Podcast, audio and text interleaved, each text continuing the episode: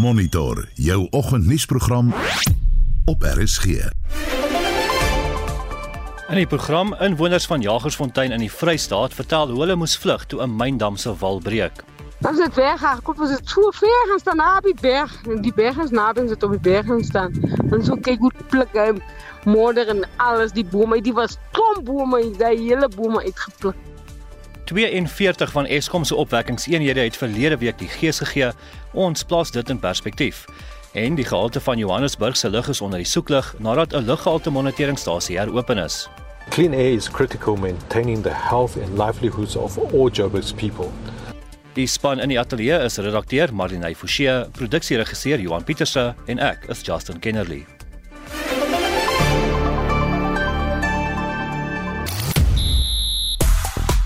Mark Boucher bedank as Protea afrigter. 'n Kortlys vir die SA20 veiling word bekend gemaak en die Engelse Premier Liga spanne is in die Kampioenliga se tweede ronde in aksie. Ek is Shaun Jooste en is later terug met meer inligting.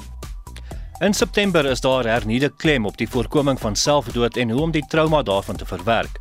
Kenners meen dat families 'n belangrike rol speel in die herstelproses in die geval van mislukte selfdoodpogings. Maar weet families noodwendig hoe om hierdie bystand te bied? Wat dink jy? Was jy al in 'n soortgelyke situasie en het jy raad? Stuur 'n SMS na 45889 teen R1.50 per boodskap of praat saam op die Monitor en Spectrum Facebookblad. Jy kan ook 'n stemnota stuur na 076 536 6961. Die hitsmerk Jagersfontein is steeds baie gewild op sosiale media met president Ramaphosa wat die dorp in die Vrystaat besoek het nadat 'n sluk dam se wal meegegee het en honderde dakloos gelaat is. Later in die program het ons meer hieroor.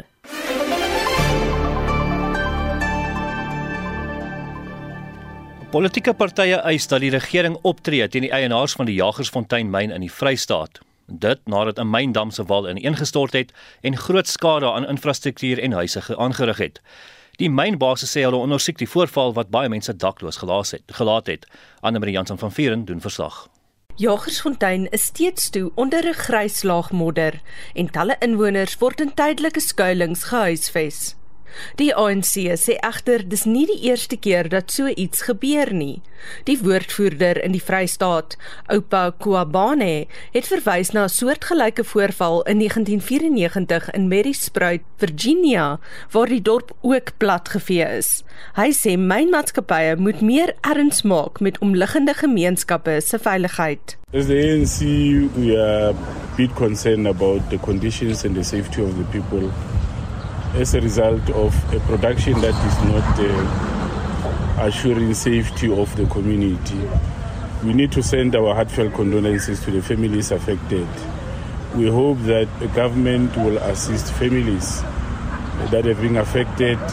Die myneienaars, Jagersfontein Developments, sê 20 miljoen rand is op sy gesit om slagoffers by te staan.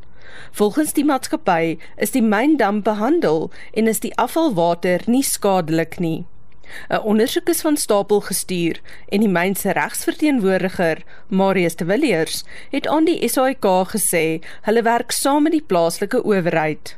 We extend our deepest condolences to the family of the single fatality and the speedy recovery of those injured in the disaster. The treatment facility has stabilized activity at the dam. It is cooperating with local authorities and will offer every assistance to the community while undertaking a full investigation. Die EFF se sekretaris in die Vrystaat, Bosankom Simanga, sê egter die ANC stel nie die mense van die gemeenskap eerste nie. This mine has been operational up until yesterday. These are the results of the very same mine here. It's so unfortunate that politicians are here but not here to assist people. They are here for their business interests, including the president of this country.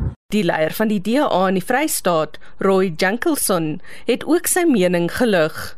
The Jagersfontein incident was tragic.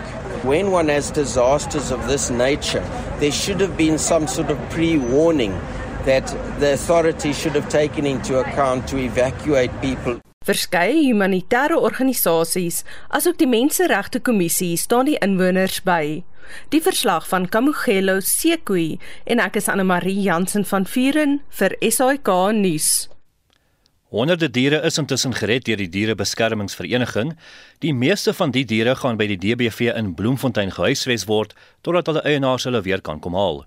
Die DBV se Reinet Meyer het ook vertel hoe die mense daar geraak word ek staan hier so buitekant en hier loop mense verby. Hulle het basies alles verloor, maar hulle gaan in hulle huisie in en alwaarmee die persoon uitkom is 'n foto met sy pa in.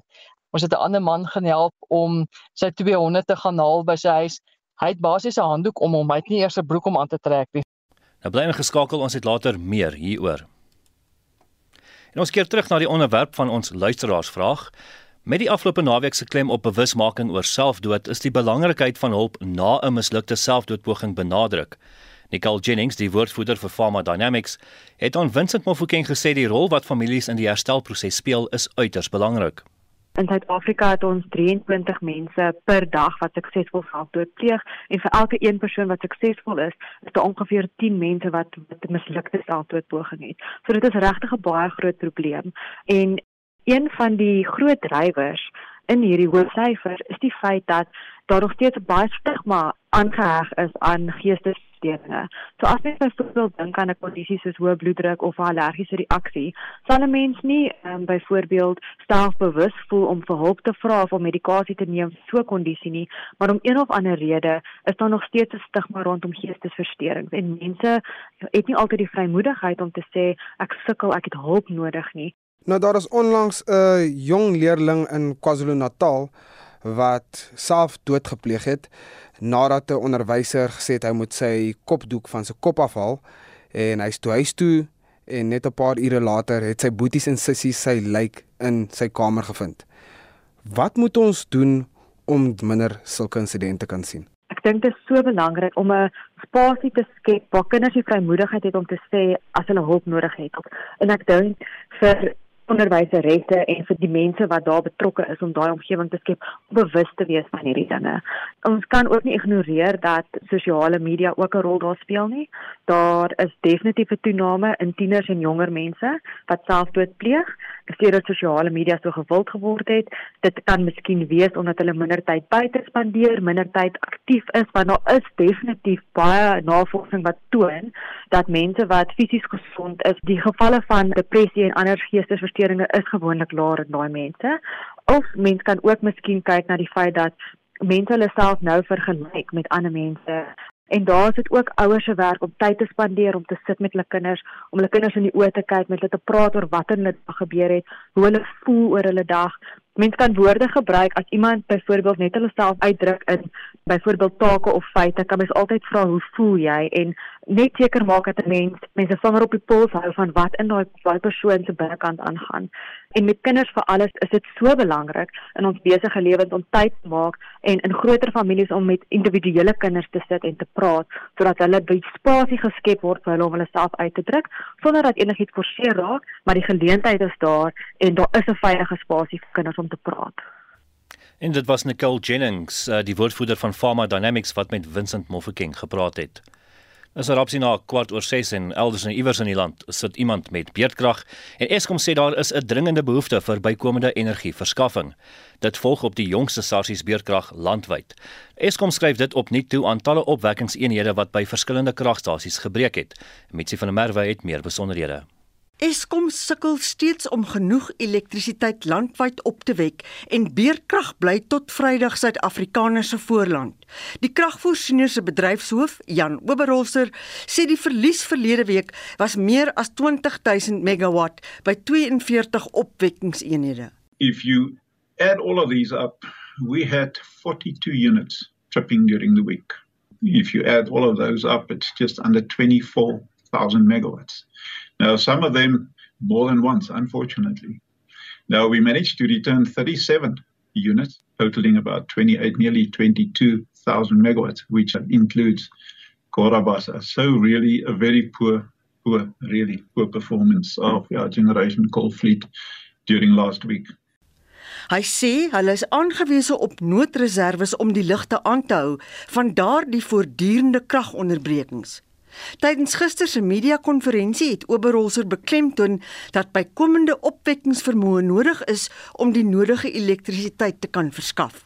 It is critical that additional capacity is added to the system as soon as possible. And I can confirm that Eskom is doing whatever we can together with all the departments to ensure that the capacity is added to the system. President Cyril Ramaphosa het verlede maand 'n energieplan aangekondig met die doel om die afgelope 10 jaar se kragverskaffingsbeperkings te verlig. Eskom sê hy werk sedertdien aan verskeie projekte in die verband. We have various plans in place. I believe very good plans to increase the installed capacity and to stop load shedding. However, this is going to take time uh, to implement, and I believe for the next 12 months or so, we may, may not see the required benefits yet. Die kragverskaffer sê die huidige aanbod en vraag is nie gebalanseerd nie en dat dit daarom nodig is om gereeld noodopwekkingsmetodes toe te pas. Die doel is om so gou as moontlik aanhoudende kragonderbrekings uit te faseer. Notandu Magudulela het hierdie verslag saamgestel. Mitsi van der Merwe, SAK-nuus. Ons bly by die onderwerp en vir sy mening sluit Corneel Skabord by ons aan. Hy is 'n dosent aan die skool vir chemiese en mineraalingenieurswese aan die Noordwes Universiteit. Uh, môre Corneels. Môre Justin. Ons het gehoor dat 42 opwekkingseenhede by verskillende kragstasies verlede week gebreek het. Kan jy dit vir ons in perspektief stel? Wel, as mens vat, daar's om en by 80 opwekkingseenhede, so dit beteken net meer as die helfte van hulle was iewers laasweek buitewerking. Hulle was nie almal op dieselfde tyd buitewerking nie, maar 42 uit die 80 was nie beskikbaar nie. Met ander woorde, dit verduidelik grootliks hoekom ons sit met beerdkrag tans. So die gevaarligste flikker, maar ons kan dit nie sien want ons het nie krag nie. Inderdaad. Ehm um, ja, ek ek ek hoor wat Jan Oberholz gesê en dit dit maak sin. Hierdie is die um, narratief wat ons al 'n hele ruk hoor dat daar is nie genoegsaam tyd om die instandhouding ordentlik te doen nie. So met ander woorde, baie van hierdie werk word baie vinnig gedoen, gevolglik breek eenhede vinniger as wat dit sou gebreek het as daar ordentlik instandhouding gedoen is. En en wat hy voorvra is dit waarvoor ons al lank vra en dit is die addisionele privaat of 'n publieke hernubare krag wat moet bykom, nuwe kragmoontlikhede wat moet bykom. Maar soos wat ek vandag sien, byvoorbeeld een van die eerste projekte wat goedkeuring gekry het vir sonkrag, het te doen met Solar and African Rainbow Energy. Nou daardie is die eerste projek van sy soort wat voortgevloei het uit Cyril Ramaphosa se aankondiging van daai 100 megawatt wat privaat entiteite mag opwek. Maar as ons vat daardie projek byvoorbeeld wat die eerste een is wat nou nuwe privaat krag gaan byvoeg, daarvoor is eers finansiële sluiting nou verkry. Met ander woorde wat ek dink net ons in ag moet neem is, ja, daar is nuwe krag op pad, maar die realiteit is die tydlyn is ten minste 'n jaar of 2 en dit spel ongelukkig slegte nuus vir ons wat beurtkrag betref. Maar Cornelius, is daar egter tekens dat die instandhou eh, instandhoudingswerk wat Eskom doen vrugte werp? dit is wat Jan Oberholzer gesê het dit dit hou basies net die die minimum krag aan die gang en en soos wat Eskom self destyds gesê het Eskom se vloot verouderde steenkoolkragstasies is aan die een kant dis onvoorspelbaar en is onstabiel. Met ander woorde hierdie aanlegte kan enige tyd breek en en dit is hoekom ons sit met die met die uh, statistiek van 42 uit 80 wat gebreek het.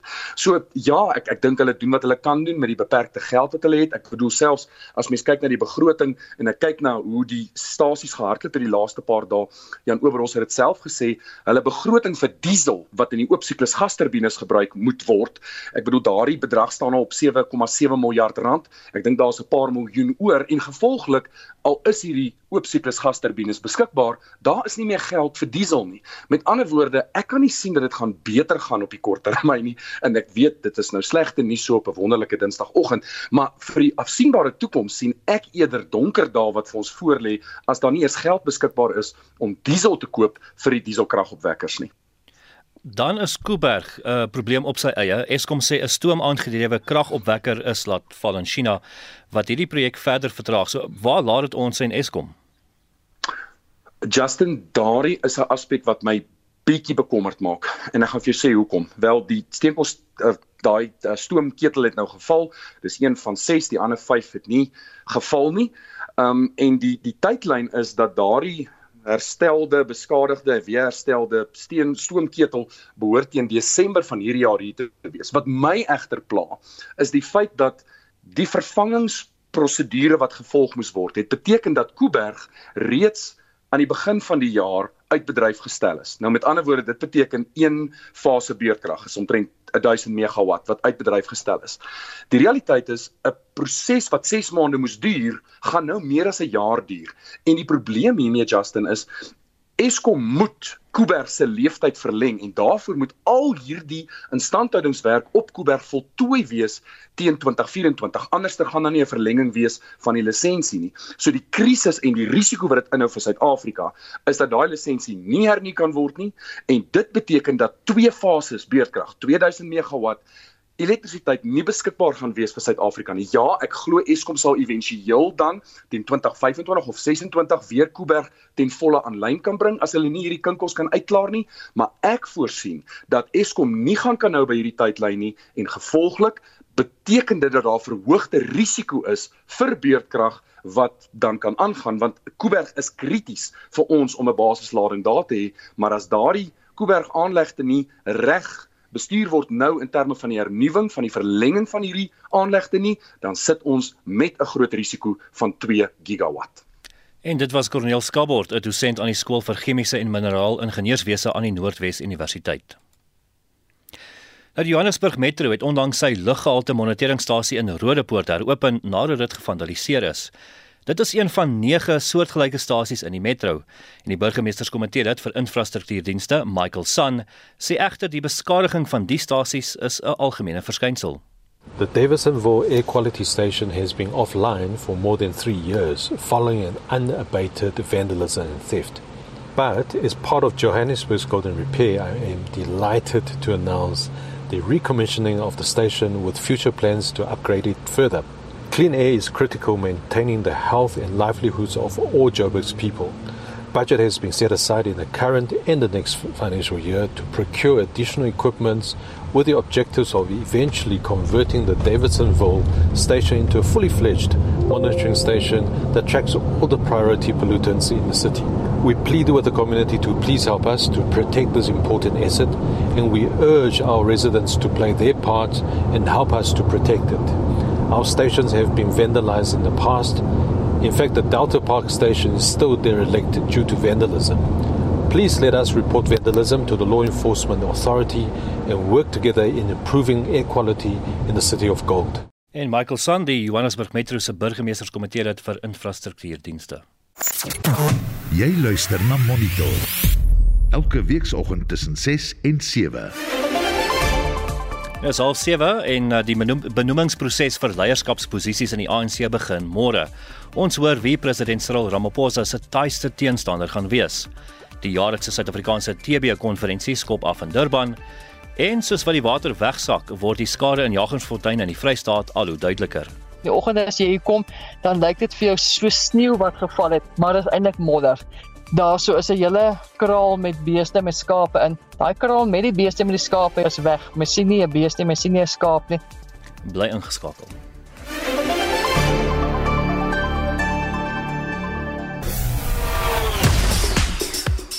Vir die sportnuus sluit Shaun Jooste nou by ons aan. Goeiemôre Shaun.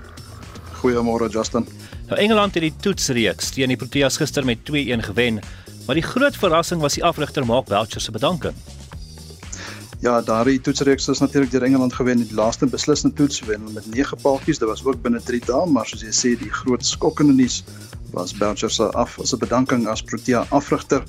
Nou daar is egter ook 'n bietjie goeie nuus. Hy sal aanbly vir die opkomende witbaltoer na Indië asook die T20 Wêreldbeker toernooi in Australië tussen 16 Oktober en 13 November. En dan onder in Poucher se afrigting het ons 11 toetse, 12 eendag en 23 T20 wedstryde gewen, maar 'n plaasvervanger sal eers op 'n latere stadium, ek neem aan dit sal na die Wêreldbeker toernooi eers aangekondig word. Nou Cricket Suid-Afrika het ook 'n kort lys van meer as 300 spelers vir die SA20 of ja, die SA20 veiling bekend gemaak. Ja, die veiling vind op 19 Desember plaas en as ons net na so 'n paar van die groot name op die lys kan kyk, dit is Jason Roy en Ewan Morgan van Engeland, die Nieu-Seelander Ross Taylor en Dennis Chandimal van Sri Lanka. Nou alhoewel al ses franchises deur EPL EPL eienaars besit word, sal geen Indiese speler aan die toernooi tussen Januarie en Februarie 2023 deelneem nie. Nou Sean, ons bly by cricketnuus. Ek sien die Indiese span vir die T20 Wêreldbeker toernooi is ook gister aangekondig. Ja, die snelbowlers Jasper Bumrah en Harshal Patel is ingesluit. Rohit Sharma is aangewys as kaptein en KL Rahul is die onderkaptein. Nou in dit ook hulle spanne vir die Tuiste 20 reekse teen Australië en Suid-Afrika tussen 20 September en 4 Oktober bevestig. Die naweek se Engelse Premierliga wedstryde was uitgestel na die afsterwe van koningin Elizabeth II, maar die Engelse spanne se kampioenliga verpligtinge gaan voort. Ja, dit is die Kampioenligga se tweede ronde wat dan vanaand begin. Nou kom ons kyk na so 'n paar van die groter wedstryde en ook wedstryde waaraan van die Engelse spanne betrokke is.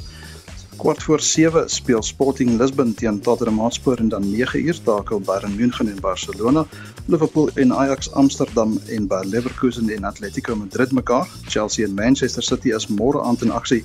Nou spanne sal punte verbeer indien hulle nie vir die wedstryde opdaag nie. En dan Justin wil ek ook dit afsluit deur te noem dat die boksspan vir Saterdag se rugby kampioenskappe toets teen Argentinië vanmiddag bekend gemaak word. Jaker Bongi Benambi het van sy besering herstel en weer by sy spanmaats aangesluit. En dit was Shaun Schuster met die jongste sportnuus. Honderde diere is die afgelope 3 dae in die Jagersfontein gemeenskap gered nadat 'n myndam se wal gebreek het. Honde, katte, hoenders en selfs bokke is reeds na veiligheid geneem. Marinay Forsie het gister met Renet Meyer van die Bloemfontein DBV gepraat terwyl sy in die modderige strate na diere gesoek het. Ons kry geweldig baie honde. Hier's baie baie katte in hierdie gemeenskap. Al die mense het hoendertjies en hoenders staan ook in hokke. So hulle is ook onder die modder. Van hulle het al van hierdie modder ingekry en is werklik siek en het mediese hulp nodig. Ons het 'n klomp bokke gekry wat in 'n erf staan. Ons het koeie gekry. En as hierdie mense weer op die been is, dan sal ons weer hulle diere vir hulle terugbring.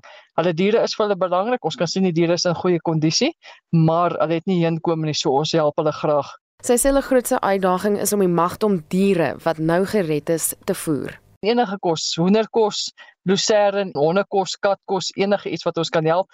Ons was so geseënd geweest, 'n maatskappy het vir ons shampoo geskenk. So hierdie diere word nou alles sodra hulle by ons arriveer word hulle gebad want hierdie modderslaim wat hier is het ook eh, chemikalieë in wat baie nadelig is vir die diere. Van die hoender se pote is al geaffekteer en dit is stikkend.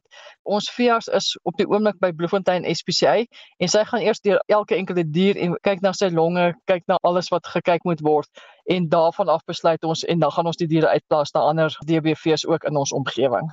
Volgens haar is dit duidelik dat daar nie tyd was om te dink toe al hierdie water gekom het nie. Ek staan hier so buitekant en hier loop mense verby. Hulle het basies alles verloor, maar hulle gaan in hulle huisie in en alwaarmee die persoon uitkom is 'n foto met sy pa in. Ons het 'n ander man gaan help om sy 200 te gaan haal by sy huis. Hy het basies 'n handdoek om hom, hy het nie eers 'n broek om aan te trek nie swart en wit movies dis basies hoe dit hier lyk. In die oggende as jy hier kom, dan lyk dit vir jou so so sneeu wat geval het, maar dit is eintlik modder. Daar so is 'n hele kraal met beeste met skape in. Daai kraal met die beeste met die skape is weg. Tydens ons telefoniese gesprek is Meyer juis genader deur 'n inwoner daar. Wat ek net gou na toe stap sy. Sy's nou hier in haar jy kan nie glo in haar pyjamas nie. Wat sy het natuurlik niks oor nie. Kom ons hoor net wat wat wil sy van my vra. Ek wil net altyd 'n katte hê. O, okay. Ons gaan nou. Hier's net die vrou van die radio, sy moet daar praat. Ja. Hier so is sy. Jy gaan met die vrou praat. Hallo mevrou. Hallo, hoe gaan dit? Goed, hoe gaan dit mevrou se? Nee, wat dit gaan goed, dankie. Sê gou vir my, wat is jou naam? My naam is Sophie. Sophie se hele huis is vol van die grys modder wat amper so sement lyk. My hart is baie seer. Die yskas gaan nie weer werk nie. En die wasmasjien sal nie weer werk nie. Ek weet regtig nie mevrou wat gaan nog gebeur nie. Sê vir my, waar was jy toe hierdie gebeur het? Was jy in jou ek huis? Gister gistermôre was ek in die jaren toe dit gebeur. Die mense sê ver van nie vanaf jy kan die reën gehoor het gistermôre. Was eers water, toe kom die modder met die water. Als het weggaat, komt het zo ver gaan staan na die berg. En die berg is na en zit op die berg gaan staan. En zo kijk hoe plukken, modder en alles, die bomen. Die was trombomen, die hele bomen uitgeplukt. Dat is echt verschrikkelijk. En jou vriende daar in die omgewing? Die ander zit die huis en die huis is plat gevallen. Aan die andere kant, die voorste straat, het al die drie, vier huis het omgevallen. Dit was 'n inwoner van Jagersfontein wat ons slegs as Sophie aan ons bekend gestel het. Marlene Forsie, SAK nuus. Ons het vroeër berig oor Johannesburg se luggehalte en die hernieude monitering daarvan.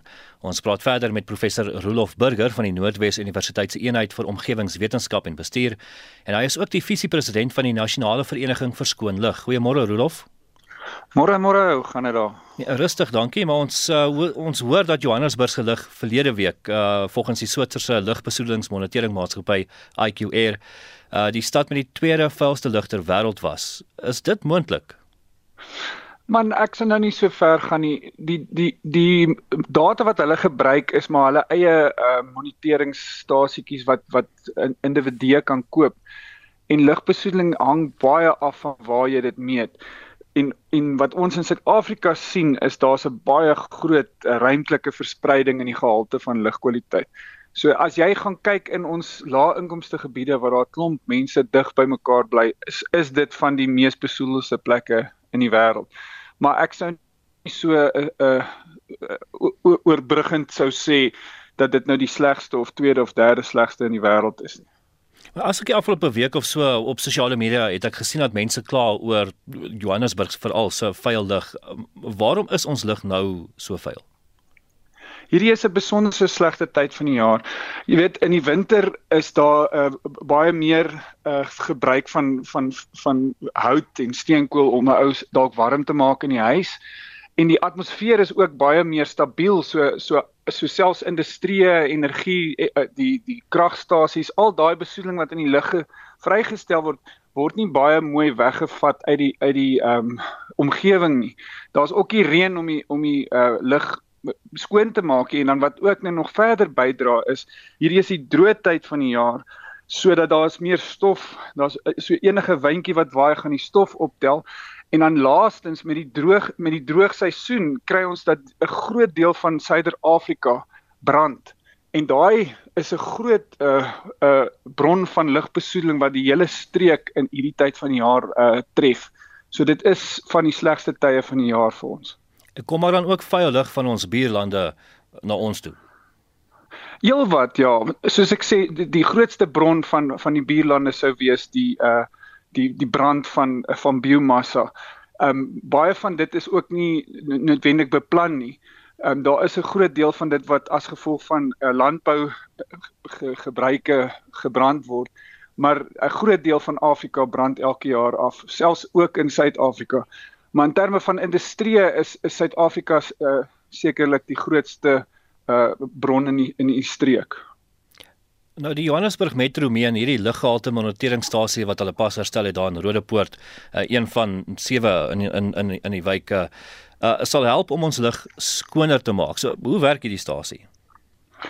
Nee, kyk, hy maak nie hy, hy help eintlik met die bestuur van die lugkwaliteit. So al wat hy doen is hy meet wat is die vlakke en die luisteraars wat wat een van die goeie dinge is die luisteraars sal kan gaan kyk daar's 'n app S A A Q U S Sakwas soos ons dit noem waar jy intyds die vlakke van lugbesoedeling oor die hele land kan sien.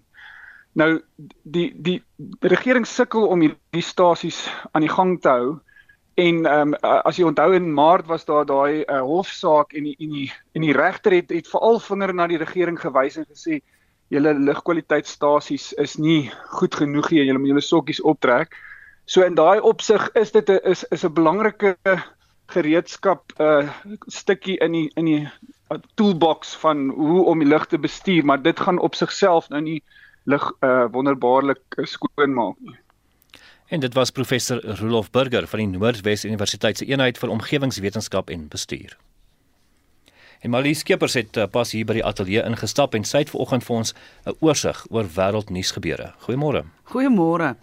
Adjunkpresident David Mabuza sal vandag president Cyril Ramaphosa in Nairobi in Kenja verteenwoordig tydens die inhuldiging van die land se nuutverkose president Raila Odinga.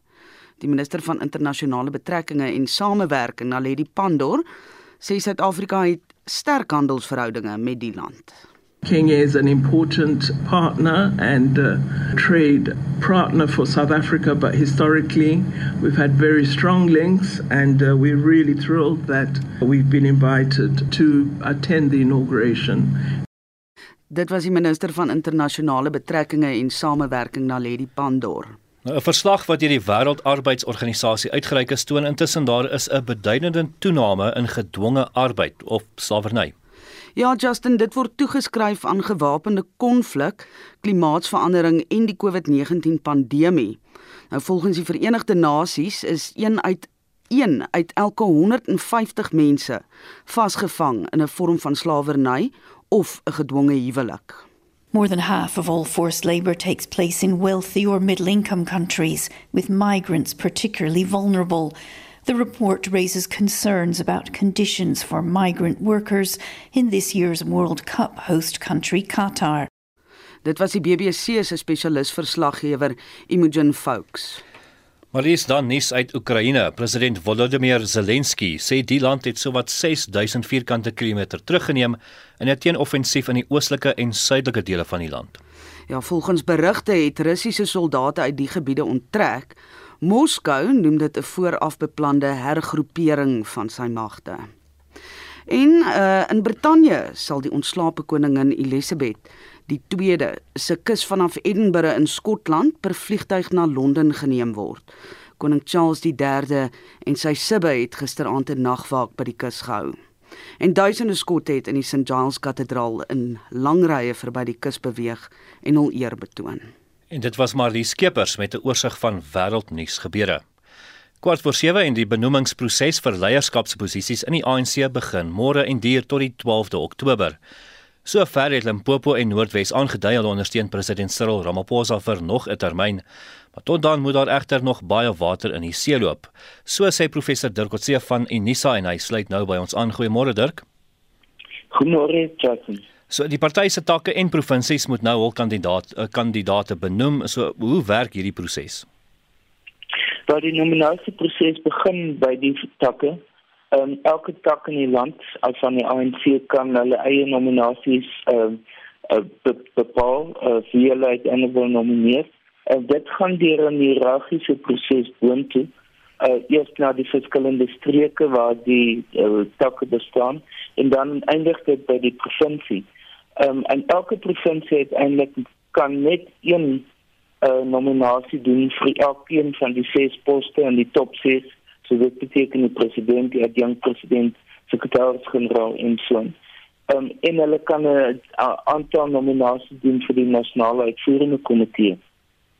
Dan uiteindelik gaan dit wees dat daar ehm um, elke provinsie dus het, het een nominasie wat kan plaasvind. So in totaal gaan daar 9 nominasies van die provinsies kom plus van die drie eh uh, eh uh, uh, ligas, die vroue liga, die jeugliga en die veterane liga. En uiteindelik rondom die 12de op, uh, Oktober moet die uh, on, daar besluit word um, op drie nominasies per uh, posisie. Dit beteken vir die president moet daar uiteindelik 'n maksimum van drie nominasies wees. Um, die adjunct president, die nasionale voorsitter, die sekretaris-generaal en so aan.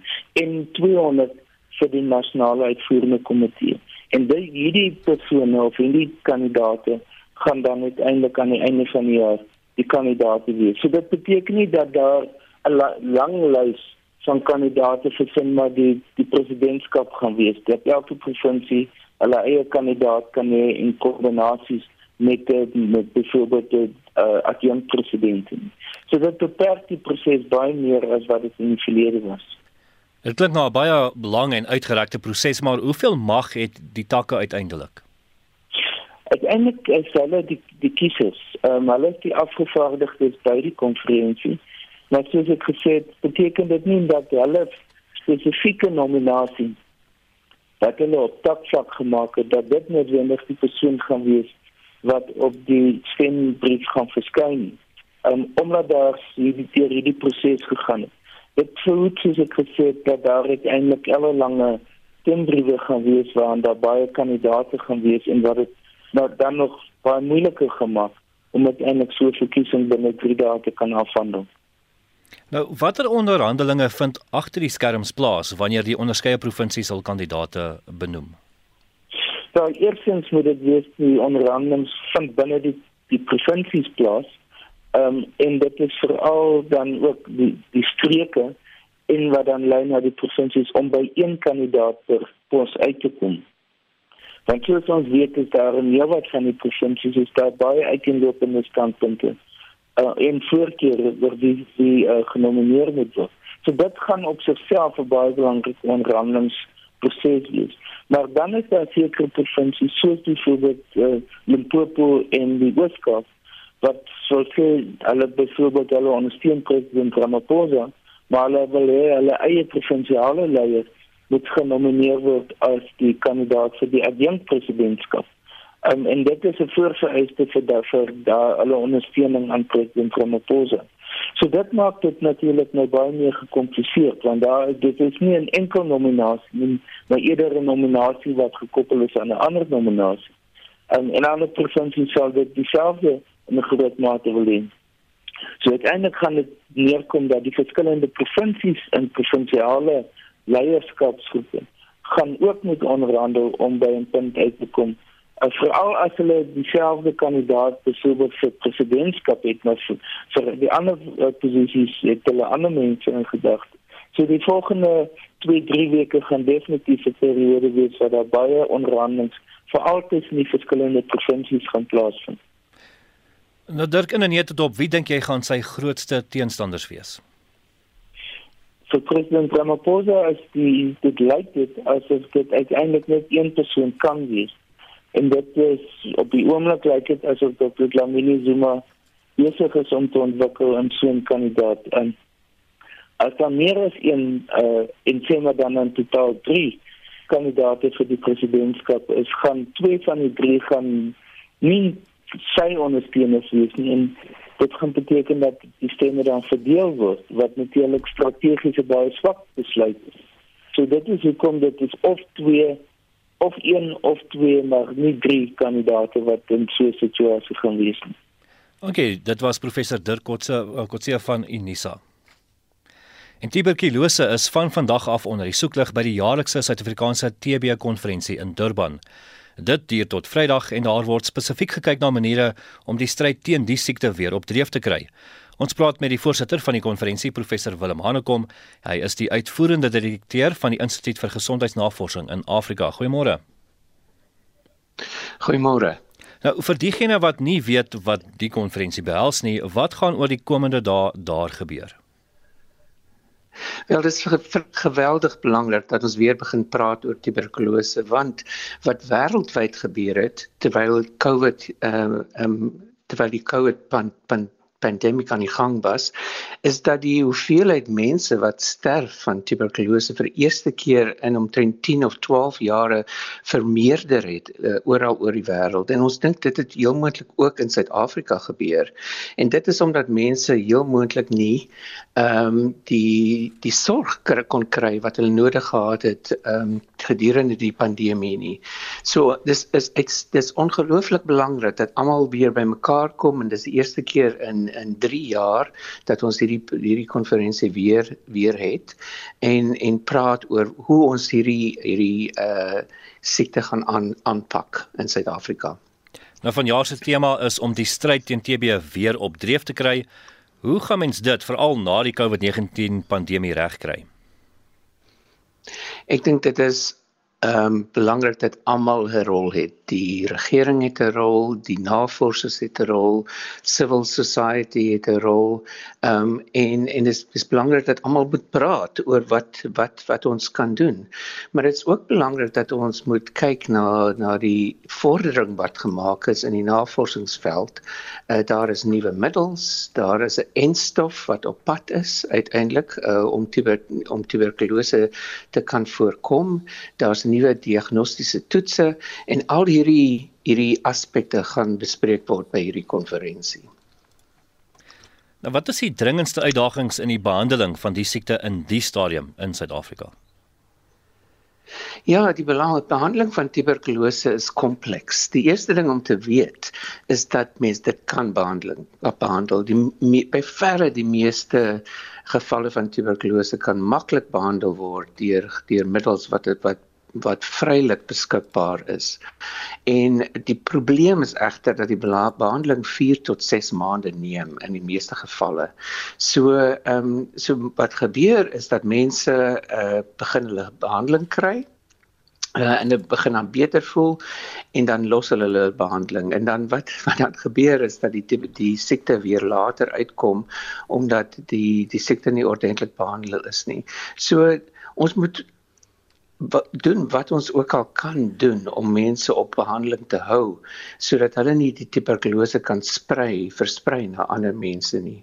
Die ander ding wat natuurlik ook geweldig belangrik is dat ons is dat ons die mense met tuberkulose moet kan diagnoseer want omdat tuberkulose so so 'n mild siekte is wat oor as dit as dit begin dan word dit al hoe erger. Loop baie mense dink ons loop baie mense rond met tuberkulose en versprei tuberkulose voordat hulle uh, gediagnoseer word. So ons moet kyk na wat ons kan doen om tuberkulose uh, vroeër te diagnoseer. Hoe belangrik is die nasionale gesondheidsdepartement se betrokkeheid in die bestryding van TB Ek dink ons nasionale gesondheidsdepartement uh, doen 'n uitstekende job hulle hulle hulle spandeer uh omtrent 3 biljoen rand elke jaar om tuberkulose te te uh, te voorkom of te behandel. En ehm um, en hulle het uh en en natuurlik werk hulle deur al die provinsiale ehm um, regerings om dit te doen.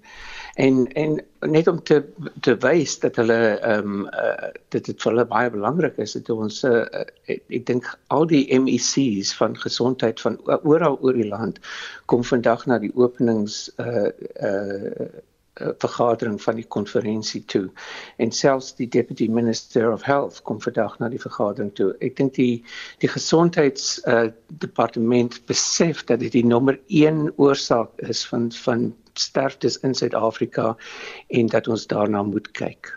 Het daar al suksesverhale uit die konferensie voortgesprei?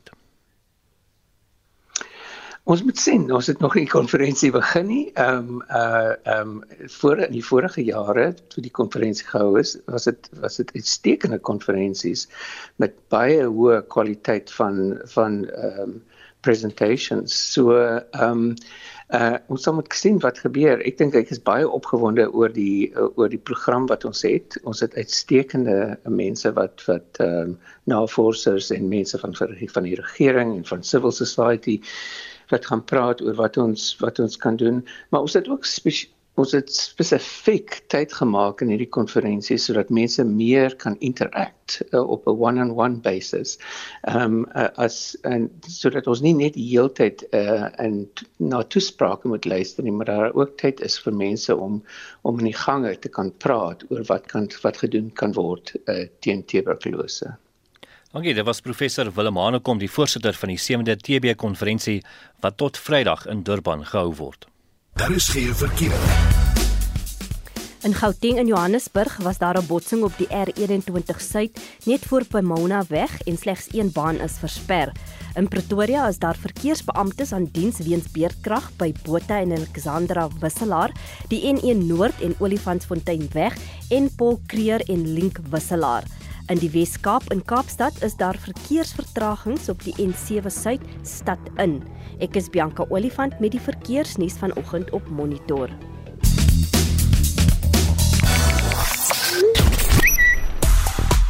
In sosiale media is die Patriotiese Alliansie ondervoorsitter Kenny Kunene in die hof omdat hy die EFF leier Julius Malema 'n irriterende kakkerlak genoem het en weier om verskoning te vra. Meer hieroor onder die hitsmerk Kenny Kunene. En net so voor ons groet, ons praat oor mislukte selfdoodpogings vanoggend en hoe mens iemand na so 'n traumatiese voorval kan bystaan. Uh Marie Klopper van Rustenburg skryf op ons SMS-lyn: "My dogter Madeleine met bipolar het 'n uh, poging in 2004 oorlewe en in 2006 sterf sy. Sy het 'n pragtige brief vir ons uh Here vir vir die ouers en familie gelos en briewe is 'n groot vertroosting. Ons wyse dominee het gesê ons moenie treur dat ons ander dogter en kleinkinders vergeet nie. Dit en briewe het my getroos en bipolar is 'n helse stryd, skryf Marie Klopper op ons SMS-lyn. 'n Vorige uitsendings van Monitor is op RSG se webblad as 'n potgooi beskikbaar. Jy kan later op Facebook gaan loer vir die skakels na spesifiek ons buiteuitsendings. En ons groet namens ons uitvoerende regisseur Nicoline de Wee, die redakteur vanoggend Marinay Forsie en die produksieregisseur Johan Pieterse. My naam is Justin Kennerly.